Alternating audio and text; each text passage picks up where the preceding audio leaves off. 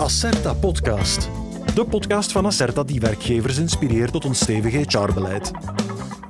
We behandelen de meest actuele HR-thema's, toekomstgericht en gebaseerd op feiten.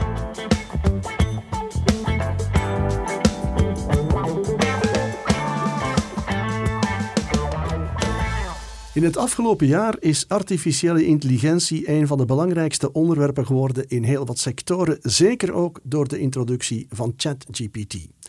Van slimme assistenten in onze woonkamers tot geavanceerde data-analyses die bedrijfsbeslissingen sturen, AI is overal. Deze technologische verschuiving, sommigen noemen het al een revolutie, heeft een directe impact op de arbeidsmarkt en op de dagelijkse HR-praktijk. Functies transformeren, er is nood aan nieuwe vaardigheidssets en HR-afdelingen moeten zich aanpassen aan een wereld waarin mens en machine steeds nauwer samenwerken. Zijn bedrijven klaar voor de AI-stroomversnelling en hoe kan AI ingezet worden om het HR-beleid tot een hoger niveau te tillen?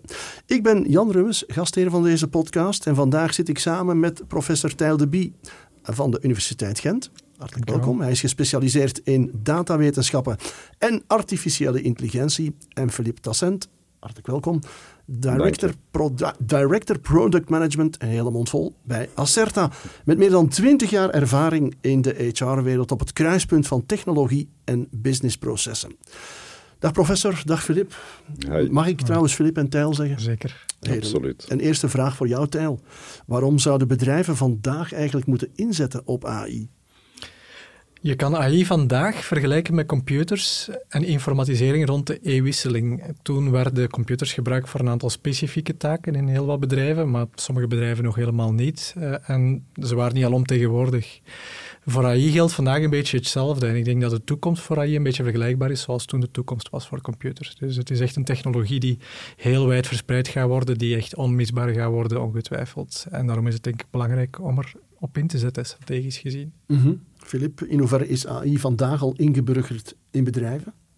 Wel, we hebben daar uh, onderzoek naar gedaan en het blijkt toch dat 15 tot 40 procent van bedrijven daar vandaag al mee uh, aan de slag is op, op verschillende vlakken. Het kan gaan over het automatiseren van processen, data-analyse, het bouwen van predictieve modellen, het werken met uh, slimme virtuele assistenten en dergelijke zaken meer. Ook rond tekst is er heel wat te doen. Het, interpreteren van tekst, het vertalen van tekst, het creëren van, uh, creëren van tekst. Dat zijn echt vlakken waar heel wat te doen is. Nu 15 tot 40 procent, dat betekent dat er ook nog wel heel veel marge is om nieuwe en, en leuke dingen te doen. Um, als je een stapje terugneemt, ja, artificiële intelligentie is, is niet nieuw. Hè. We zijn al sinds de jaren 50 bezig met te proberen van machines te bouwen die even slim of slimmer zijn dan, uh, dan mensen. Daar is heel veel progressie gemaakt, maar het verschil met vandaag en waarom dat vandaag zo'n leuke tijd is, is omdat dat heel toegankelijk is. Iedereen die een computer heeft, bij wijze van spreken, kan daarmee aan de slag. Dus de drempel om ermee aan de slag te gaan is heel laag en de output is ook relatief goed. Dus het werkt, het werkt ook nog eens. Dus dat maakt dat er uh, in mijn ogen heel veel en snelle adoptie zal komen de komende jaren. Maar, maar voel ik nu dat je niet echt onder de indruk bent van dat percentage? Dat je eigenlijk meer had verwacht? Nee, nee, nee, dat niet. Nee, ik ben gewoon blij dat er nog heel veel uh, ruimte is om, om, dingen te gaan, uh, om dingen te gaan doen. Nee, ik denk dat dat wel een mooi percentage is. Oké. Okay. Tijl, we zien in de resultaten van uh, de Acerta panelbevraging inderdaad dat de bedrijven zich voorbereiden op de komst van AI. Daarbij geeft iets meer dan de helft van de respondenten aan dat er inhoudelijke ontwikkeling nodig is voor hun medewerkers. Maar welke vaardigheden zijn daar dan voor nodig? Want AI doet dan toch alles zelf. Om daarop te antwoorden moet ik een onderscheid maken tussen de verschillende types profielen. Het is een heel ander verhaal voor de C-level profielen versus het middelmanagement of, of de meer technische profielen. Uh, voor de, de, de managementprofielen is het belangrijk om te weten wat het potentieel is. Wat voor soort use cases kunnen nuttig zijn binnen het bedrijf om de opportuniteiten eigenlijk te kunnen spotten. De technische profielen natuurlijk moeten meer, meer het, het detailniveau um, aanleren en precies zo'n systeem kunnen implementeren of eventueel um, integreren binnen het bedrijf. Uh, dat is belangrijk, dat onderscheid, denk ik. Uh, dus niet iedereen heeft dezelfde, dezelfde noden. Wat er ook belangrijk is, uh, Filip gaf het al een beetje aan, de drempel om AI te gaan gebruiken is enorm aan het verlagen. Het wordt veel gemakkelijker. Dus de breedte van, van typesprofielen die AI kunnen effectief integreren in het bedrijf is ook wel aan het vergroten. Dus dat is wel belangrijk om te erkennen. Nu, waar precies vind je dan cursussen? Eén plek die ik zeker kan aanbevelen is vaya.be. Vaya is de Vlaamse AI-academie. Dat is een initiatief van alle Vlaamse hogescholen en universiteiten, waar heel veel cursussen worden um, verzameld. En men kan zich daar inschrijven in die cursussen. Van heel het spectrum. Dus gaande van C-level middelmanagement tot uh, de meer technische mensen. Ja, dus ze moeten niet afkomen van we vinden er niks over. Het is eigenlijk heel makkelijk om er, uh, om er toegang toe te krijgen. Er is toch een echt, echt wel groot aanbod de dag van vandaag, denk ik, ja, voor mensen die het echt zelf willen leren. Ja. Ja, Philip, zullen bedrijven hun medewerkers de ruimte geven om die nieuwe vaardigheden aan te leren? En, en zie je dan ook veranderingen in bestaande functies? Ja, ik denk uh, absoluut dat we klaar moeten zijn voor... Want die veranderingen gaan zeker komen. Hè. Um, in eerste instantie zal dat vooral een aantal routineuze taken zijn die, die overgenomen worden, waardoor dat we de ruimte gaan kunnen creëren om ook, uh, om ook andere dingen te gaan doen en ook om te gaan, uh, te gaan experimenteren. Maar op wat langere termijn denk ik dat er ook wel echt volledige jobs of jobcategorieën mogelijk zullen, zullen verdwijnen. En dan in functie van deze evolutie zullen dat vooral jobs zijn die vrij, vrij veel dataverwerking doen en, en veel, veel tekstverwerking. Denk aan scenario-schrijver, potentieel aan misschien een een IT-tester of, uh, of iemand die copywriting doet, dat zijn jobs die in de toekomst uh, mogelijk uh, kunnen, kunnen verdwijnen. Nu, als je wat historisch kijkt naar um, wat er in het verleden gebeurd is, bijvoorbeeld met robotisering in, in productieomgevingen of, of in warehouses, daar zijn jobs verdwenen, absoluut. Maar er zijn netto altijd wel jobs, jobs bijgekomen. Maar wel jobs die, die andere types van skills en competenties verwachten van mensen. Dus vanuit dat oogpunt is het voor HR-mensen zeker zaak om te kijken van oké, welke talenten heb ik en hoe kan ik die mensen gaan ontwikkelen, gaan reskillen in functie van die nieuwe jobs die er, eh, die er staan uh, aan te komen. En dan denk ik dat dat een mooi verhaal kan uh, worden. Ja, het belang van training blijkt dus inderdaad niet te onderschatten. Is daar een, een, verband? Is zo, als je mensen gaat beginnen trainen in AI, dat je dan automatisch meer AI-projecten gaat implementeren? Mm Ik denk dat een basistraining zeker heel belangrijk is op dit moment om, om die opportuniteiten te kunnen spotten en ook om het enthousiasme wat aan te zwengelen. Um, het is ook wel, denk ik, heel belangrijk om te benadrukken dat de use cases heel dikwijls de drijvende kracht zijn. Um, dus het is heel belangrijk, denk ik, om er gewoon mee, mee te starten en een use case eh, eruit te pikken en daar, daarmee aan de slag te gaan en uit te werken. En daarom is het denk ik ook belangrijk om enthousiasme op de werkvloer, misschien in het IT-team, om dat echt te stimuleren en daar ook ruimte voor te geven om, om eens een, prototype te maken en eens te kijken wat dat het geeft. Uh, dat is denk ik uh, belangrijk. Natuurlijk is er ook een onderscheid tussen verschillende sectoren. Bedrijven die actief zijn in een IT-sector, die een grote IT-afdeling hebben, en anderzijds de meer klassieke sectoren zonder misschien een IT-team. Die gaan natuurlijk op een andere manier aanpakken. Hè. Die moeten denk die tweede sector, die, die meer traditionele sectoren, die moeten misschien meer gaan praten met bedrijven die dergelijke technologieën aanbieden, maar die zijn er ook de dag van vandaag, dus dat kan zeker. Mhm. In de Acerta-bevragingen werd er ook gepeild naar het nut van eh, AI binnen de verschillende HR-domeinen. Daar zien we dat de respondenten aangeven dat ze het verst staan met AI-implementatie bij recrutering en selectie en talentontwikkeling. Dat moet je even kaderen, Flip. Wel, ik ben uh, voor eerst blij dat die studie dat weergeeft, want het is, het is, eigenlijk voor mensen die een tijdje al binnen HR en HR-technologie meedraaien, niet echt een verrassing dat het uh, recruterings- en selectiedomein daarin voorloopt. Ze hebben altijd al heel snel wat slimmere technologieën uh, omarmt. Denk bijvoorbeeld aan manieren om, uh, om automatisch uh, cv's te gaan, te gaan opladen, om, om al een soort van pre-screening te doen. Het inzetten van bijvoorbeeld videotechnologie om te kijken van hoe, hoe reageert iemand tijdens, een, tijdens een interview en, en welke conclusies kunnen we daaraan verbinden. De ontwikkelingen op vlak van talent zijn wat, zijn recenter, maar, maar hebben heel veel, heel veel potentie in zich. Ehm, als je bijvoorbeeld denkt uh, aan het voorspellen van uh, culturele fit, hè, het is belangrijk als iemand aanwerft dat die ook gaat passen in je bedrijf en binnen, uh, binnen de bedrijfsorganisatie en de cultuur. Dus als je dat kan voorspellen, dan is de kans op een succesvolle aanwerving groter. Keer dat iemand aan boord is, ook om te gaan kijken van oké, uh, hoe kunnen we performance gaan monitoren op een meer automatische manier? Hoe kunnen we, hoe kunnen we bijvoorbeeld engagement gaan, uh, gaan opvolgen? Nu, voor dat soort um, use cases is het wel superbelangrijk van te weten dat we met, met mensen werken en dat de technologie vandaag feilbaar is. Hè. Jullie hebben ongetwijfeld al gehoord van de zogenaamde bias die in sommige AI-modellen aanwezig is. En die bias ja, die kan wel tot een, een onjuiste of een, een onfaire uitkomst zorgen. Dus het is belangrijk dat een mens mee achter de knoppen zit van die systemen en uiteindelijk nog het laatste, het laatste woord heeft. Nu, gelukkig zijn dat zelflerende en modellen die trainbaar zijn. Dus dat betekent ook wel dat voor degenen die biased zijn, op basis van historische gegevens, dat we die modellen ook kunnen gaan bijsturen door die op te leiden om minder biased te zijn of à la op termijn zelfs om bepaalde voordelen toe te kennen in functie van bepaalde doelgroepen, mocht dat gewenst zijn natuurlijk. Dat is niet altijd een gewenste use case, maar daar zit ook wel best heel wat potentieel in. Als bedrijven en HR-afdelingen eh, niet zouden inzetten op die AI, want blijkbaar is dat toch een proces dat niet meer te stuiten is, lopen zij dan bepaalde risico's? Het risico is dat ze heel belangrijke opportuniteiten gaan missen en daardoor ook competitief nadeel gaan leiden. Dus uh, dat is denk ik een belangrijk risico voor bedrijven die er niet in slagen om AI te adopteren zelf. Daarnaast zou het ook een gemiste kans zijn voor, uh, voor uh, de vele start-ups en, en scale-ups die we nu zien eigenlijk in, in, in ons eigen land die AI-technologie aanbieden en heel vaak ook specifiek in de HR en de, en de jobmarktsector. Uh, ik denk dat Vlaanderen daar eigenlijk uh, een beetje een voortrekker in is, internationaal gezien. Het zou leuk zijn dat we daar denk ik als, uh, als land op inzetten of als regio op inzetten en die sterkte ook uitspelen. Oké. Goed, Filip, we, willen van start gaan.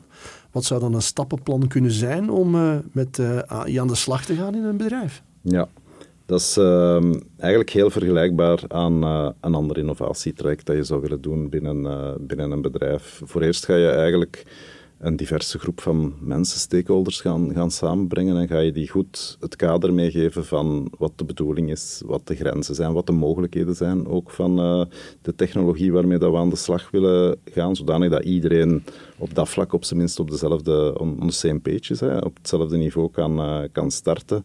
En dan het uh, tweede element is om zoveel mogelijk use cases te, te vinden. Ik ben een groot voorstander van quantity breeds quality, dus heel veel ideeën zullen ongetwijfeld een aantal heel goede ideeën voort, voortbrengen. En dan als derde stap moet je gaan kijken van oké, wat is de impact versus de effort? En dan is het natuurlijk goed om die cases te selecteren met een minimale effort en een maximale impact. Klinkt wat simpeler dan dat is in realiteit, maar goed, het is wel belangrijk om de juiste prioriteiten te stellen. En dan in functie van die prioritering eigenlijk gaan kijken van welke van die use cases ga ik nu in een, in een POC steken, in een proof of uh, concept. Tel zei daar net ook al van je moet er effectief mee, mee aan de slag gaan. En ik geloof in innoveren dat dat zeker zo is. Je moet iets bouwen, iets uitproberen, dat aftoetsen aan je doelgroep. Het zij extern, het zij intern, terug mee naar binnen pakken en terug mee aan de slag gaan en terug en zo een cirkel creëert tot als je een mooi product hebt, een mooie eerste versie van een, van een product of een, uh, of een dienst. En als je op dat punt bent, kan je dat gaan doorschalen en op schaal inzetten um, om, om de gewenste resultaten te bekomen. En niet vergeten van de, degene die het niet gehaald hebben van die tijdig stop te zetten, zodanig dat je je middelen wel efficiënt kan, uh, kan besteden. En tot slot, specifiek in het kader van uh, artificiële intelligentie, denk ik dat het wel belangrijk is om u goed te laten begeleiden door een deskundige partner. Het is een, een markt in volle ontwikkeling met heel veel spelers of spelers die claimen van, uh, van daar enige ervaring mee hebben. Dus laat u begeleiden door iemand die, die wel de juiste technische expertise heeft om dat te kunnen samen met u onderbouwen en realiseren. Ja. Met andere woorden, weten waar je mee bezig bent en vooral met wie je bezig bent. Ja, ja, dat klopt. En ik denk dat, uh, om, om even Filip aan te vullen, ik denk dat het heel, heel belangrijk is inderdaad om... Uh, ehm, enthousiasme te stimuleren. Met andere woorden, mensen die misschien graag iets in elkaar steken, om dat, uh, daar echt tijd voor vrij te maken. Vooral omdat we echt wel nog in een redelijk vroeg stadium zitten. Dus dat wil zeggen dat het management heel vaak niet goed weet van wat kan dit betekenen voor ons. En als er dan iemand enthousiast uh, aan de basis, bottom-up, iets willen elkaar knutselen uh, en, en, proberen, dan leidt dat heel vaak tot heel positieve verrassingen. Dus in die, in, in die zin denk ik inderdaad quantity, mensen laten experimenteren, naar boven laten drijven en dan eventueel in, in een latere fase selecteren, vanzelfsprekend. Maar ik denk dat laten opborrelen van die goede ideeën is echt heel cruciaal. En de, de, de positieve verhalen die ik zie in, in de bedrijven waar, waar ik mee spreek, zijn heel vaak daarvan een voorbeeld. We willen het toch ook nog even hebben over bezorgdheden die er bestaan bij eh, gebruik van AI binnen HR. Dat zijn er blijkbaar wel wat als we eh, de resultaten van dat Acerta-onderzoek bekijken. Zoals de bezorgdheid over privacy en de bias waar we het al over gehad hebben. Vraag voor jou, Tijl. Heb jij tips om op een verantwoordelijke manier om te gaan met die AI binnen HR? Ja, privacy is dat door de GDPR in grote mate al is afgedekt natuurlijk. Dat is een, een oud zeer, maar nog altijd heel belangrijk, zeker in de context van AI ook. Daarnaast over bias heeft Filip het al net even gehad. Dus bias is inderdaad iets dat, dat uh, kan, kan voortgezet worden door AI-systemen. Historische bias die wordt voortgezet, of in het slechtste geval zelfs wordt, wordt versterkt. Moeten we natuurlijk absoluut vermijden. Maar AI heeft ook, zoals Filip zei, ook het potentieel om daar iets aan te doen. Dus dat is ook wel belangrijk om te benadrukken. Het heeft ook een positieve uh, mogelijke impact. Nu, hoe realiseren we die positieve impact? Uh, ik zal een aantal voorbeelden geven misschien. Bijvoorbeeld het schrijven van een vacature. Kun je een vacature schrijven en dan nadien door een AI-systeem laten doorlichten om te kijken, zitten daar eventuele woordkeuzes in die misschien wel een bepaalde demografie aanspreken, maar een andere niet. Dat zijn soms heel subtiele dingen. Nu, je kunt zo'n dingen uh, identificeren en ervoor zorgen dat zo'n biases hun, hun weg niet vinden of hun kans niet krijgen. Daarvoor is het heel belangrijk om heel vroeg te gaan consulteren met alle stakeholders die betrokken zijn, zowel de beslissingsnemers in het bedrijf als de ontwikkelaars van het systeem als eh, de uiteindelijke mensen die onderhevig gaan zijn aan de beslissingen van de AI-systemen. En ik denk niet dat veel bedrijven daar op dit moment al klaar voor zijn. Sommige grote bedrijven zetten een AI Ethics Board op, of meer algemeen een Ethics Board. Dat is denk ik iets waar meer bedrijven over moeten gaan beginnen nadenken, in elk geval, om dat te doen. En uh, op die manier, denk ik, wordt die verantwoordelijkheid uit handen genomen van de developers. Op dit moment ligt die verantwoordelijkheid vooral bij hen, want zij begrijpen hoe die systemen werken. En de communicatie met de beslissingsnemers is niet altijd zo gemakkelijk over dat soort zaken. Dus dat is denk ik een, een heel belangrijk uh, aspect. Uh, een, een, tweede ding dat ik misschien wil aanhalen in de context van ethiek in, in, in, in het gebruik van AI-systemen. is dat er ook bezorgdheid bleek uit de Acerta-enquête over het mens-mens contact. gaan die AI-systemen ons niet minder met elkaar laten interageren? En dat zou natuurlijk niet wenselijk zijn. Er zijn natuurlijk toepassingen waarbij dat het geval kan zijn, dus daar moeten we voor opletten. Het is zeker, een belangrijk risico, een val waar dat we niet mogen intrappen. Maar er zijn ook heel veel toepassingen van AI die, uh, die um, heel saai werk automatiseren. En ik denk dat we daar als eerste dingen op moeten focussen en vermijden dat we in de val trappen van uh, mens-mens contact te veel te gaan automatiseren. Ja, dus in plaats van schrik hebben, toch uh, omarmen, want er zijn uiteraard voordelen van het gebruik van AI binnen HR, Filip. Uh, kan jij dat wat meer toelichten? Ja, absoluut. Ik denk, uh, ja, in eerste instantie, als je kijkt naar wat er nu op korte termijn gebeurt, dat is vooral om efficiënter en sneller te worden. Heel kort uh, samengevat. En ik denk dat we dat aan een aantal van een drietal categorieën kunnen, kunnen duiden. Het eerste zijn heel wat zaken die uh, in, de predictieve, in het predictieve domein liggen. Modellen die, die voorspellingen gaan, gaan doen. Um, zo zijn wij concreet bezig met uh, eh, IMEC en de KU Leuven en met onze eigen HR-afdeling om te kijken van oké, kunnen we niet bepaalde prognoses maken over, over hoe mensen zich uh, zullen, zullen gaan uh, gedragen in de, in de toekomst. Bijvoorbeeld, wat is het risico dat ze gaan vertrekken bij ons? Wat is het risico dat ze bijvoorbeeld richting een burn-out gaan? Wat is een mogelijk goede volgende carrière stap? Dat soort, uh, dat soort elementen. Zijn natuurlijk allemaal processen die een serieuze impact hebben op, op u als organisatie. Dus de mate waarin dat je dat op voorhand kan te weten komen en daar dan ook actie rond nemen, uh, kan heel veel toegevoegde waarde brengen. Het tweede ligt in, in, in de lijn van, van automatiseren, maar op een, op een slimmere manier. Uh, bijvoorbeeld uh, als het gaat rond die tekstverwerking, waarover dat we het al gehad hebben, over chatbots die deftig werken in plaats van de chatbots van vandaag, die u effectief uh, verder kunnen, kunnen helpen. Payroll is typisch ook een proces waar daar heel veel administratie aan te pas komt, waar, waar nog heel veel automatiseringsmogelijkheden zijn. Dus op dat vlak zijn, zijn de mogelijkheden echt wel heel uitgebreid. En tot slot, het derde wat ik nog zou willen aanhalen, is een domein wat vandaag nog wat minder uh, ontwikkeld is, maar waar, dat, waar HR wel echt al lang op zoek is naar een, goed, naar een goed antwoord. En dat heeft te maken met strategische workforce planning. Hoe moet ik mij vandaag voorbereiden op de, op de toekomst morgen. Hè. Wat soort profielen ga ik nodig hebben? Welke skills gaan die mensen eh, nodig hebben? En hoe kan ik mij nu al voorbereiden om te zorgen dat ik die mensen dan zal hebben binnen drie of binnen, binnen vijf jaar? Dus in, in het domein van wat ze strategic workforce planning noemen, daar zijn zeker ook heel wat mooie dingen te, te doen. Oké. Tel, we zitten op een kantelpunt, uh, we staan aan het begin van grote veranderingen.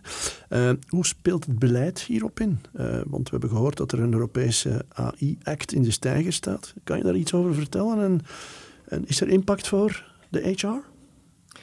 Ja, absoluut. Ja, die AI-act die is er nog niet helemaal door, die is nog niet goedgekeurd, maar het grootste deel van de Europese mallenmolen, zal ik zeggen, is al gepasseerd. En naar verwachting zal die over enkele weken, misschien enkele maanden worden goedgekeurd. Dan gaat er nog een overgangsfase zijn van wellicht een drietal jaar, uh, waarbinnen men zich in regel moet brengen. Nu, de impact op, uh, op, op uh, eh, HR en, uh, en de jobmarkt is, is relatief groot. En waarom is dat zo? Wel, de, de benadering van de AI-act is als volgt. Men heeft eigenlijk alle domeinen van alle toepassingsdomeinen van AI een beetje onderverdeeld in verschillende risiconiveaus. Bijvoorbeeld volksgezondheid, health en um, um, financiële sector, verzekeringen enzovoort, maar ook HR, worden als hoge risicodomeinen aangemerkt. En toepassingen van AI in de hoge risicodomeinen, die moeten aan heel veel regels voldoen, die moeten heel veel compliance checks doorstaan. Uh, dus dat zal iets zijn dat er gaat moeten gebeuren. En ik denk dat het nuttig is dat bedrijven zich daar misschien ook al over bevragen, ook al zal er wel enkele jaren tijd zijn om in regel te komen. Oké, kortom, als we iets moeten onthouden als hoofdboodschap van heel dit verhaal, wat is dat dan voor jou? Ik denk dat we aan het begin staan. Het is echt nog de beginfase, maar het potentieel is enorm. En ik denk dat we die boot niet mogen missen. En voor jou, Filip, wat moeten we onthouden vanuit Acerta? Ik denk uh, in navolging wat Tijl zegt, hè, de, de time is now. Dus uh, laat ons ermee uh, aan de slag gaan. Het potentieel is er. De drempel is niet hoog. We kennen wat de beperkingen en de, de gevaren. We weten dat nog een mens aan het stuur moet zitten. Dus als we dat even allemaal in rekening pakken, denk ik van doe try this at home en ga er allemaal mee aan de slag. Oké, heren, hartelijk bedankt voor jullie komst en jullie uh, interessante inzichten. En voor u, uh, als u ook met uh, AI aan de slag wil gaan en integreren in jouw HR-werking, surf dan naar acerta.be slash AI en ontdek hoe Acerta jou kan ondersteunen op maat van jouw organisatie. Tot de volgende. Dit was Acerta Podcast. Abonneer je op de Acerta Podcast voor meer interessante inzichten in nog meer actuele HR-issues of bezoek onze website acerta.be. Reageer ook gerust, want een directe lijn tussen werkgevers en Acerta is de beste garantie voor performante HR. We horen elkaar.